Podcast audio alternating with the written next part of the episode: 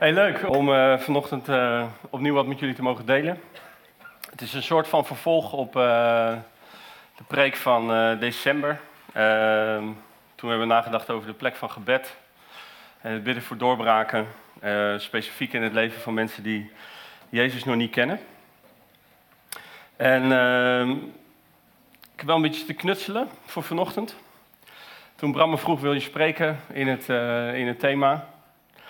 Uh, omdat ik het idee heb dat het best wel een thema kan zijn wat een beetje hoog overgaat. Het thema van, als je de twee hebt gelezen, is nieuwe gelovigen helpen om nieuwe gelovigen te maken. En als ik daar voor mezelf over nadenk, dan denk ik zo, dat is uitdagend. Met welke nieuwe gelovigen ben ik in contact? En welke rol heb ik mogen vervullen in hun leven? En dan nog daarachter, de mensen met wie zij alweer in contact zijn en van wie zij verlangen dat die persoon ook op zijn of haar eigen manier Jezus zal leren kennen. dus het zou kunnen dat dit onderwerp wat ver weg is. En ik heb het geprobeerd dus zo in elkaar te knutselen dat het hopelijk niet zo blijft. Ik noemde uh, in december, toen ik sprak over, uh, over gebed en het bidden voor, uh, voor niet-christenen, uh, dat ik echt geloof dat de vineyard ja, die we met elkaar vormen hier in Utrecht, een kraamkamer mag zijn van Gods Koninkrijk. Gods Koninkrijk dat gaat over recht, recht maken wat krom is. En Gods Koninkrijk dat gaat over redding. Dat mensen die Gods liefde nog niet persoonlijk hebben ervaren, zijn liefde gaan ervaren. En dat ze de gelegenheid krijgen om daarop te reageren. Om hun leven aan Hem toe te vertrouwen. En in dat verlangen en met die visie voor ogen wil ik dus spreken rondom het thema verder kijken dan je neus lang is. Kijken naar datgene wat voor je ligt. Kijken naar datgene wat daar nog weer achter ligt. En toen ik nadacht over, ja, wat is nou de, waar komt dit dichtbij voor mij? Toen dacht ik aan mijn moeder. Nou, dat doe ik wel vaker. Maar ik weet van mijn moeder dat zij gebeden heeft, toen ik aan het opgroeien was, dat ik Jezus persoonlijk zou leren kennen, dat ik Gods liefde zou gaan ervaren. En dat haar gebed, samen met het gebed van mijn oma en het gebed van waarschijnlijk vele anderen, want ik, ik lokte nog wat, nogal wat gebed uit met mijn gedrag. Dat helpt soms. Um, echt heeft bijgedragen aan dat proces waarin ik op een gegeven moment Jezus persoonlijk leerde kennen. En ik weet niet of ze in die fase of daarna is gaan bidden dat ik ook een, een partner zou vinden die Jezus uh, kende, zodat we echt samen de Heer konden volgen. Maar die heb ik gevonden, dat is Josephine. En uh, nou, toen is mijn moeder automatisch gaan bidden voor onze kinderen. dat wij goede ouders voor hen zouden zijn, waar de gemeente ook voor heeft gebeden. Bij het opdragen van onze dochters, zoals net voor Pimmelinetta. Maar dat we hen ook voor mochten gaan op die weg. Zodat zij in ons en door ons heen, in ons gezin en in de bredere gemeenschap Jezus zouden leren kennen. Daar bidt ze voor, dat doet ze trouw. En ze zoekt naar mogelijkheden hoe ze daar ook een bijdrage in kan vervullen. In kleine gesprekjes, in betrokkenheid, in het opbouwen van een mooie relatie met hen. En bijvoorbeeld ook door op hun tiende verjaardag uh, een Bijbel aan hen te geven. Uh, zodat ze, als ze zouden willen, zelf iets in Gods woord kunnen gaan lezen. Dus toen ik daarover nadacht, over dat proces, hè, wat een proces is van vele jaren, toen dacht ik, hé, hey, in het natuurlijke, als je echt iets hebt ontvangen wat waarde voor je heeft, dan is het heel normaal dat je gaat verlangen dat anderen ook deel krijgen aan die waarde. En in het natuurlijke is datgene waar we dit blok over nadenken, dit thema, geestelijke generaties of vermenigvuldiging, zoals het in onze boekjes staat, die je op de kring gebruikt, is eigenlijk heel normaal. Je verlangt het voor de persoon die voor je zit, die nabije relatie. En op het moment dat diegene ja, er deel aan krijgt, dan ga je het verlangen voor diegene die daarachter zit de kinderen. Maar zo werkt het in het geestelijke ook. Ik stond uh, vorige preek met jullie stil bij uh, een vers, onder andere uit Johannes 17. Dat is het hoogpriestelijk gebed. En Jezus die, uh, die bidt daar en dan zegt hij, ik bid voor hen. Dan heeft hij het over de mensen die God hem had gegeven. Ik bid niet voor de wereld, maar voor de mensen die u mij hebt gegeven. En toen hebben we nagedacht over wie zijn voor jou die personen. Die één, twee of drie personen waarvan je echt gelooft dat God die aan jou gegeven hebt en die jij mag dragen in gebed. Tot het moment dat zij Jezus leren kennen. Lees je door in dit uh, prachtige gebed, dan vind je in vers 20 het volgende vers. Ik bid niet alleen voor hen, maar voor allen die door hun verkondiging in mij geloven. Dus Jezus die leefde met een verwachting, of misschien zou je wel mogen stellen met een, een overtuiging. Hij leefde met een zekerheid. Dat waar hij zich gaf aan de twaalf en in bredere zin aan de 72, dat zij op hun beurt in staat zouden zijn, en nadat de Heilige Geest hen had vervuld, om anderen te helpen om Hem te leren kennen. En daarom bidt hij voor zijn kruisiging, in dit cruciale punt van zijn leven, dit hele kernachtige gebed. En dan bidt hij dus voor die mensen, dat ze trouw zullen blijven. En dan bidt hij voor de mensen die door hen heen Hem zullen leren kennen.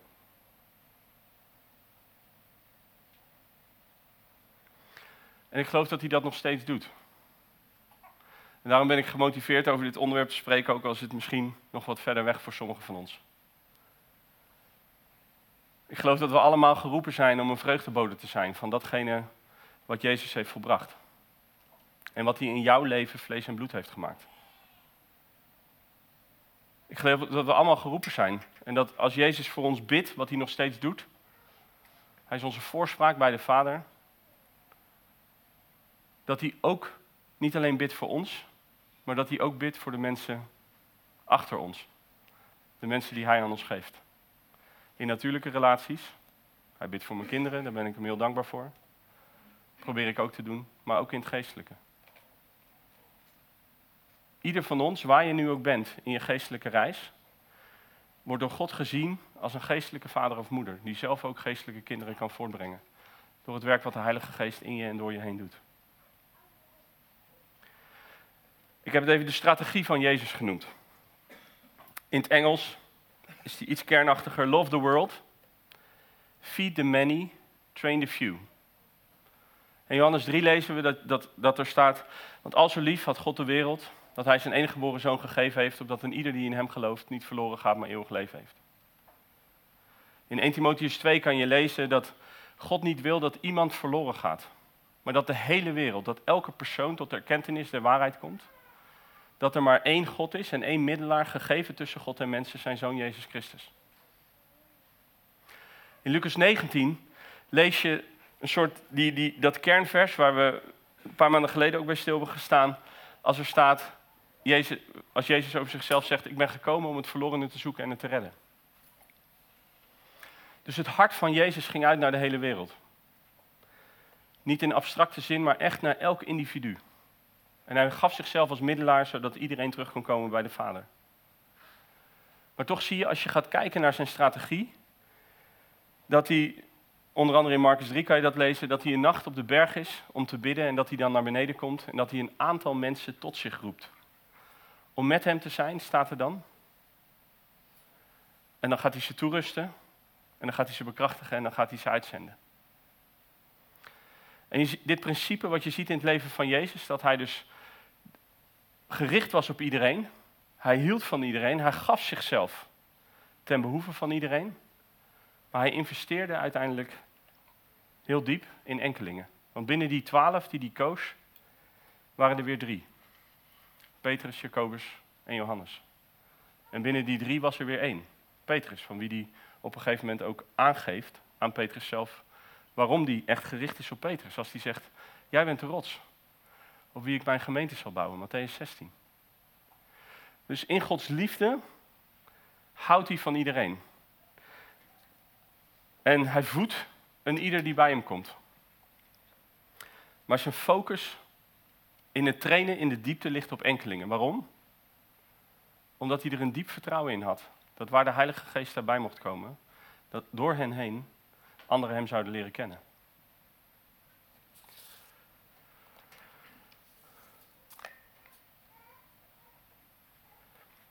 Nieuwe gelovigen helpen om nieuwe gelovigen te maken. Ik vind het nogal een pretentieus eh, en groot thema. En toch is het hopelijk minder ver weg dan je denkt. Hoef je maar iets verder te kijken dan je neus lang is. En zie je het begin. Ik liet jullie vorige keer, en sorry voor de mensen die toen niet bij waren, het filmpje zien van Ruben. Die maat van in Rotterdam, die ervoer dat de Heer hem compassie gaf voor zijn bovenbuurman. Die een aantal maanden later tot geloof kwam. Het filmpje eindigde, en het is inmiddels gedateerd, met het, het korte verhaaltje, zeg maar, dat uh, die bovenbuurman Jezus had leren kennen. En dat door hem heen, dat werd niet helemaal uitge, uitgekoud, maar ik ken het grote deel van het verhaal, zeg maar. Zijn broertje Jezus heeft leren kennen. Dus die buurman heeft zijn broertje geholpen om Jezus te leren kennen. Dat broertje heeft inmiddels drie boeken geschreven over wat, de avonturen die hij met Jezus heeft meegemaakt. En die leidt ontzettend veel mensen tot de Heer. Maar binnen die harde kern van Feyenoord waren op dat moment dat het filmpje gemaakt werd, twaalf uh, mensen uh, christen geworden die met elkaar onderweg waren in discipelschap. Het begint altijd bij één.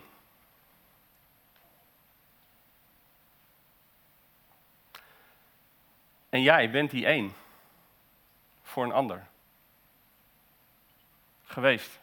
Persoon die voor jou heeft gebeden. Of die personen die in jou hebben geïnvesteerd. Die dingen aan jou hebben voorgeleefd. Die jou hebben uitgedaagd. Die geprobeerd hebben Jezus voor jou te zijn. En waar jij onderweg bent met anderen, enkelingen, één, nog één, nog één, is die ene het begin van meer. Dit is geen grootspraak, omdat we groots en mislepend willen leven. Dit is wat God zegt in zijn woord. Dit is de strategie die we terugzien in het leven van Jezus, in het leven van Paulus. In Jesaja 60 staat dat God de geringste kan maken tot een groot volk. De kleinste tot een duizendtal. Wij hoeven niet groot over onszelf te denken. God denkt groot over zichzelf en als hij ruimte krijgt in ons, kan hij grote dingen door ons heen doen.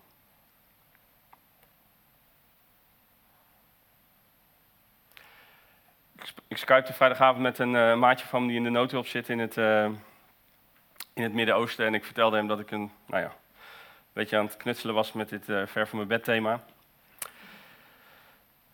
Omdat ik denk dat de realiteit voor de meeste van ons is dat we niet heel veel echt nieuwe gelovigen om ons heen zien. Dat we niet recent betrokken mochten zijn bij een reddingsverhaal. En dat is oké. Dat is waar we zijn. Maar hij zei, want we hadden het even over dit thema, zeg maar. Hij zei, ik ben er zo gefrustreerd over. Toen ik afstudeerde, hij was 24 toen hij afstudeerde, hij is nu 41, 42. Toen was dit waar ik voor leefde. Dit is wat ik wilde, dat God me zou gebruiken om andere mensen bij hem te brengen. Dat hij mijn leven ervoor zou gebruiken, dat ik dat in mijn werk zou terugzien. En wat heb ik er nou werkelijk van gezien? En wat ik mooi vond, hij zei eigenlijk tegen mij, Joost, ik ben, als, als we hierover praten, ben ik eigenlijk heel erg gefrustreerd. Dus dat het ver van je bed is, is niet erg. Maar is er verlangen? Is er geloof? Dat God dit kan en wil doen? Is er frustratie, wat de andere kant is van de medaille van verlangen? Laten we iets lezen. Johannes 4, als je een Bijbel bij hebt, mag je het opzoeken.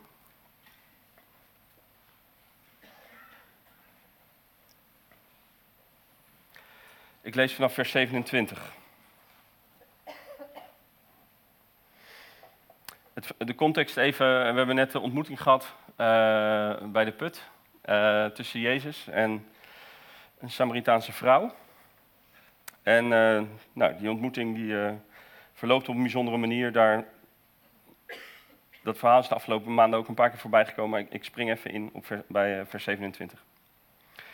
Op dat moment kwamen zijn leerlingen terug En ze verbaasden zich erover dat hij met een vrouw in gesprek was.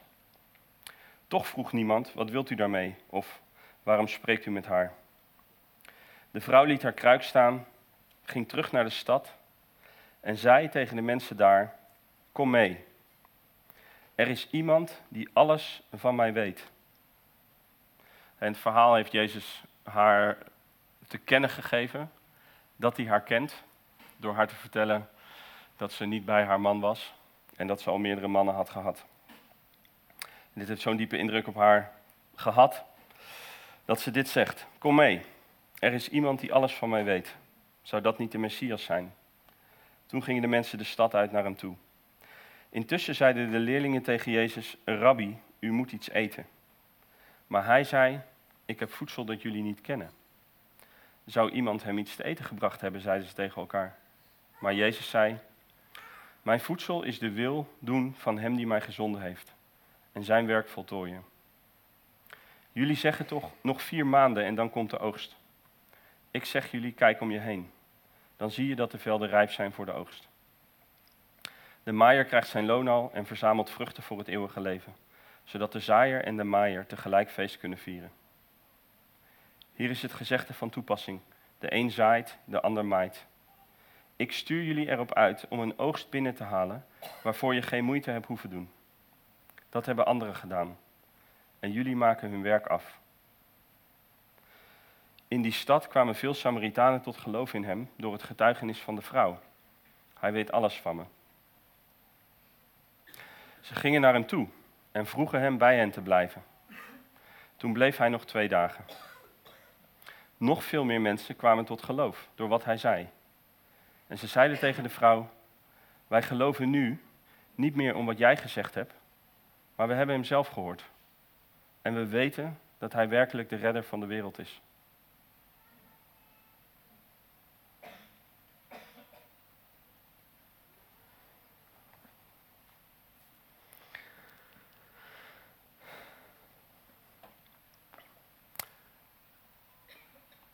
Wat zegt deze vrouw?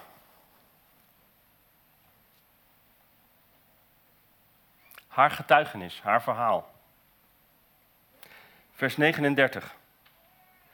Hij weet alles van me. Dat is haar verhaal. Dat is zo bijzonder voor haar. En waar ze zo lang geleefd heeft in, in het in het isolement, in het oordeel van de gemeenschap, in het innerlijke oordeel over zichzelf, in die gevangenis van schaamte.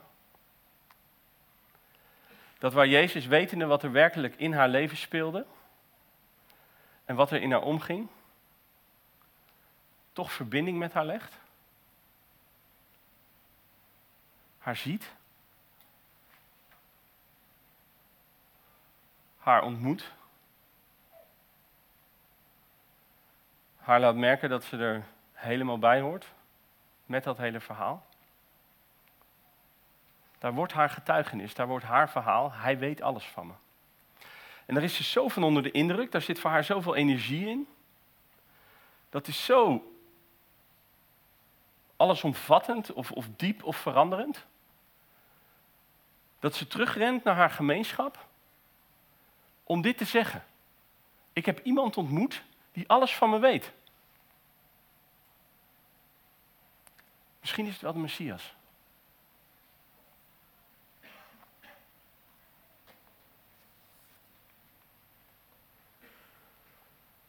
Als ik nadenk over mijn verhaal, en daar heb ik wel eens eerder iets over gedeeld, dan, dan is dat een verhaal waarin Jezus me ook ontmoet heeft op een plek van schuld en van schaamte, in jaren van verslaving en van een dubbelleven. En dan lijkt het misschien een beetje op het verhaal van deze vrouw. Dat toen hij de ruimte kreeg om het te laten merken, dat dat voor hem niet zo belangrijk is. Dat dat niet het eerste is of het enige wat hij ziet. Dat dat de buitenkant is, maar dat hij dieper kijkt. Dat hij mij ziet. Dat hij van mij houdt. Dat zijn liefde niet veranderd is. Toen veranderde er iets in mij. Mijn verhaal van toen is een verhaal van innerlijk herstel, van leugens die ik over mezelf ging geloven door ongezond gedrag. En de vernieuwing van Gods waarheid toen ik de Vader leerde kennen.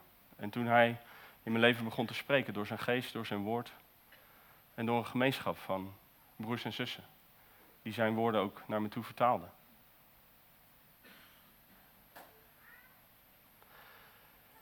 In Johannes 9 zie je even een hele korte illustratie van eigenlijk helemaal hetzelfde principe. Dit is het verhaal van de blindgeborene. Ik lees een paar versen. Zijn buren en de mensen die bij hem, die hem kenden als bedelaar, zeiden... En dan is, Jezus heeft de blindgeborene verlost van zijn blindheid, hij kan weer zien. En dan zeggen die mensen, is dat niet de man die altijd zat te bedelen?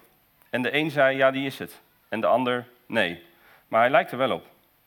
De man zelf zei, ik ben het echt.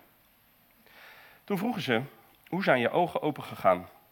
En hij zei, iemand die Jezus heet, maakte wat modder, streek die op mijn ogen en zei, ga naar Siloam om u te wassen. Ik ging erheen en toen ik me gewassen had, kon ik zien.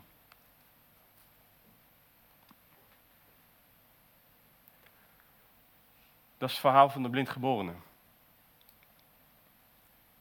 Iemand die Jezus heet, die zei iets tegen mij. En toen ik het deed, toen was het effect dat ik kon zien.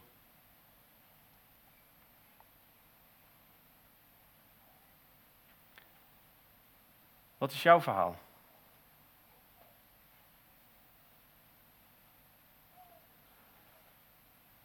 Wat heeft Jezus in jouw leven veranderd? Zodat je bijna niet anders als die vrouw je gemeenschap inrent, je bestaande relaties. Niet met een heel verhaal over wie hij is. Alsof we dat helemaal weten. Deze mensen, ze kennen hem net, dus ja, iemand die Jezus heet, zou hij de Messias zijn? Daar zit nog voorzichtigheid. Maar er is iets gebeurd. Er is iets veranderd. En het geeft een verlangen, het geeft een, een energie, het geeft een drive.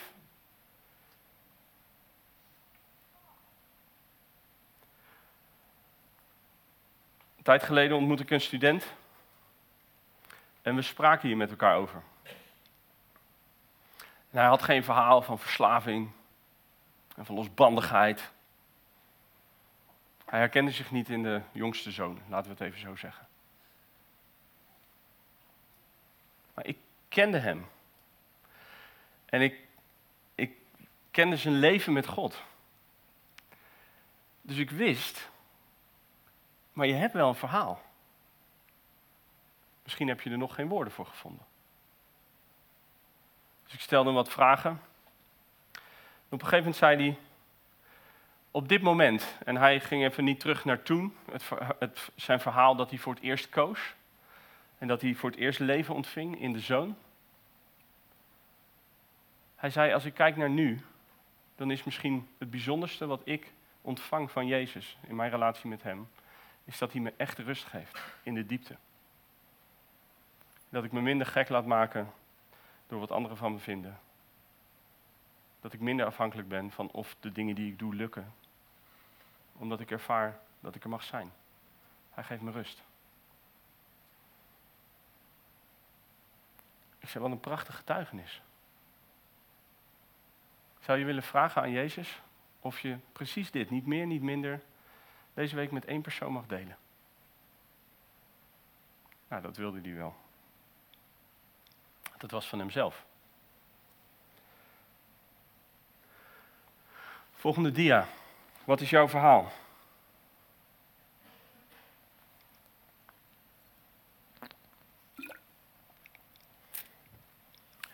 Jaap heeft met ons nagedacht hè, voor de mensen die hier toen waren. En een armbandje hebben meegenomen en dat ergens uh, hebben neergelegd en nog om hebben over het verhaal van God, het verhaal van Jezus. Maar in de dynamiek van anderen helpen om Jezus te leren kennen en hen weer helpen om anderen te helpen, is je eigen verhaal ontzettend belangrijk.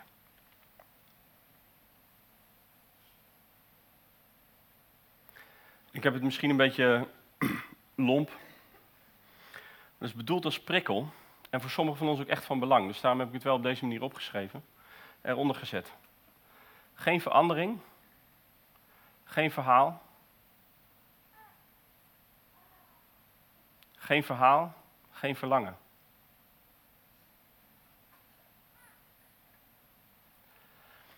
Als je helemaal geen verlangen ervaart dat mensen in jouw omgeving Jezus leren kennen,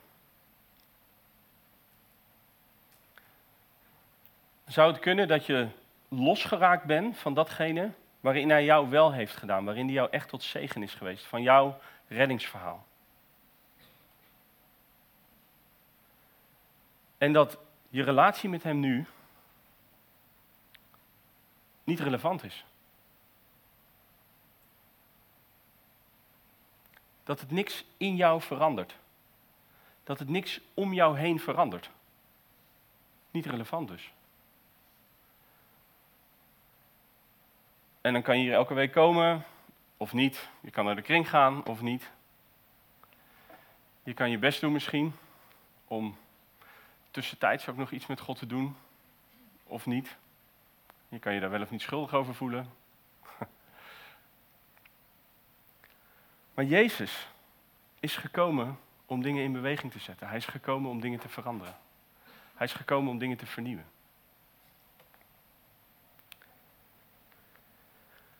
En als hij nu niet relevant is voor mij, dan is er weinig drive om met hem te leven in relatie tot anderen. Dus waar schuurt het in jouw leven? Waar is het spannend? Waar merk je dat je aan het einde komt van je eigen kracht of van je eigen wijsheid? Of waar merk je misschien dat je dat punt probeert te vermijden? Waardoor je nog niet echt van hem afhankelijk bent of moet zijn. Waar zit het avontuur? En dat kan innerlijk zijn als hij je vernieuwt op plekken die kwetsbaar zijn. En als je hem toestemming geeft en hij mag er aankomen, dan verandert er iets in je wat deel wordt van jouw verhaal. Het kan ook uiterlijk zijn dat hij je uitdaagt in een avontuur met hem, waardoor je gestretched voelt. En je dingen van hem gaat meemaken die deel worden van jouw verhaal. Waardoor het ook een verlangen, het verlangen wordt aangewakkerd. Dat anderen ook zijn goedheid zullen proeven. Nou, ik wil je even vragen om na te denken over jouw verhaal. Twee minuten denken, twee minuten delen. Dus wat is jouw verhaal met Jezus? En laten we even die scène pakken van die vrouw die dus weer even die, gemeenschap inrent.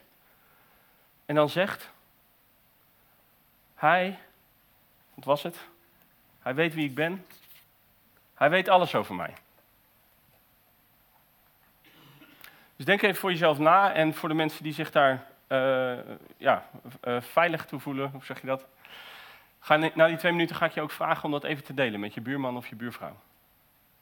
Dus als jij verwoordt wat Jezus op dit moment in jouw leven aan het doen is. Waar hij mee bezig is, wat hij aan het veranderen is. Waarin hij goed is voor jou. Wat is dat? En probeer het zo kernachtig te maken als die frase van die vrouw.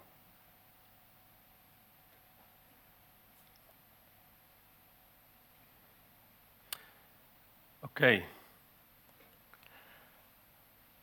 Twee keer één minuut.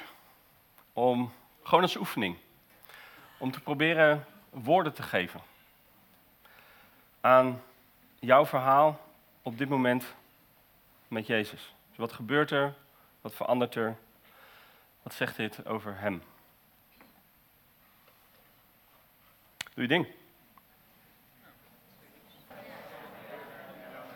Oké. Dit is echt het slechtste moment, maar uh, ik wil je vragen om voor dit moment om het te gaan afronden.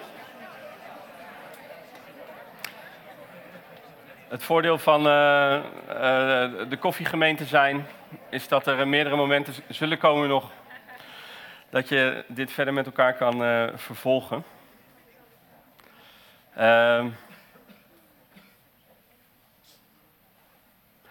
Het zou kunnen dat als je hier eerlijk voor jezelf over nadenkt, dat er niet zo heel veel is. Niet toen en niet nu. Of een van beide. En dan is de aanmoediging vanochtend echt oprecht, ook al is het ook een uitdaging om, om daar dan even te pauzeren. En niet te blijven rondhobbelen in het christelijke circus wat we met elkaar hebben gecreëerd. En naar die kern te gaan. Van jij en Jezus. En datgene wat Hij voor jou wil betekenen, heeft gedaan. En het gebrek aan connectie, wat er blijkbaar op de een of andere manier nog steeds is of is gekomen. Het zou kunnen dat je merkt, oh, het voelt een beetje nog onwennig. Dat is een stukje oefening, woorden vinden, dat het helder voor je wordt. Kunnen we elkaar bij helpen. Het zou kunnen dat je het deelt en dat als je eerlijk bent, dat het je niet meer echt raakt. Dat het op de een of andere manier niet meer iets is wat je van binnen beweegt. Dan ligt daar, denk ik, een uitdaging. Want als het jou niet beweegt, dan zal het je ook niet bewegen in relatie tot mensen om je heen. De laatste paar versen van Johannes 4, daar staat dit. In die stad kwamen veel Samaritanen tot geloof. In hem, door het getuigenis van de vrouw, hij weet alles van me. Ze gingen naar hem toe en vroegen hem bij hen te blijven. Toen bleef hij nog twee dagen. Nog veel meer mensen kwamen tot geloof door wat hij zei. En ze zeiden tegen de vrouw: Wij geloven nu niet meer om wat jij gezegd hebt, maar we hebben hem zelf gehoord. En we weten dat hij werkelijk de redder van de wereld is. De mensen die jou kennen, die zullen waarde hechten aan jouw verhaal. Zoals de gemeenschap die deze vrouw kende, besefte er moet iets met haar gebeurd zijn. Want hoe kan zij dankbaar zijn voor het feit dat iemand haar helemaal kent? En ze geloofde op basis van haar verhaal. En het maakte een verlangen in hem wakker, waardoor ze zelf tegen die persoon waarvan zij zei, misschien is het de Messias, zeiden, kan je niet wat langer blijven?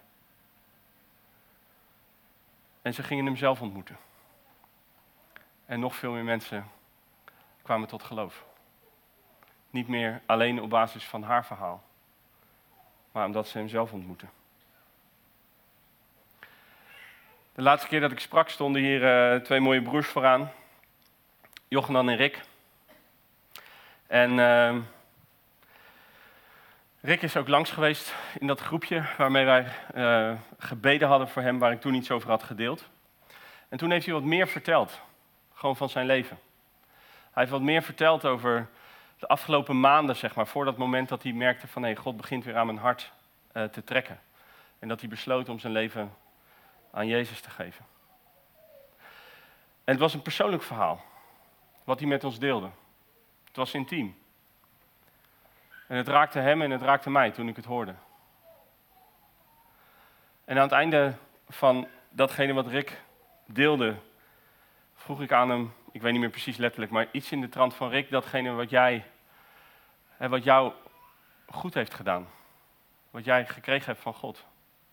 Aan wie gun je dat?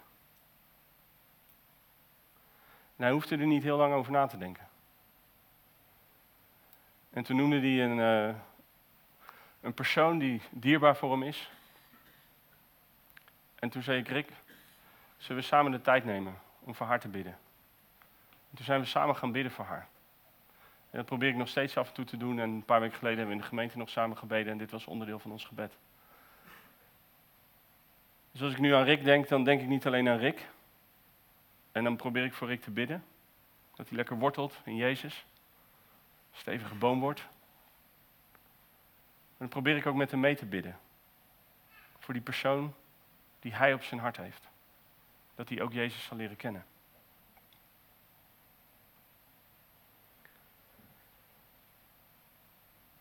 Ik kreeg uh, vorige week een appje. En daarmee ga ik dan uh, afsluiten. Een andere jongen in deze groep. Hij schrijft dit. Heel bijzonder. Vanochtend weer met mijn buurman de Bijbel gelezen en gepraat. Hij heeft de afgelopen week tegen Jezus gezegd dat hij mocht binnenkomen in zijn hart. Naar aanleiding van wat ik vorige week met hem gedeeld en gelezen had. Zojuist met hem mogen bidden en hem gevraagd ook mee te bidden. Hij wil Jezus in zijn hart. Hij heeft nog een hoop vragen, maar hij wil een relatie met Jezus. Willen jullie meebidden voor hem en voor zijn vrouw? Dat het wortel mag schieten en de Heilige Geest hem in vuur en vlam zet. En hij Jezus steeds beter mag leren kennen.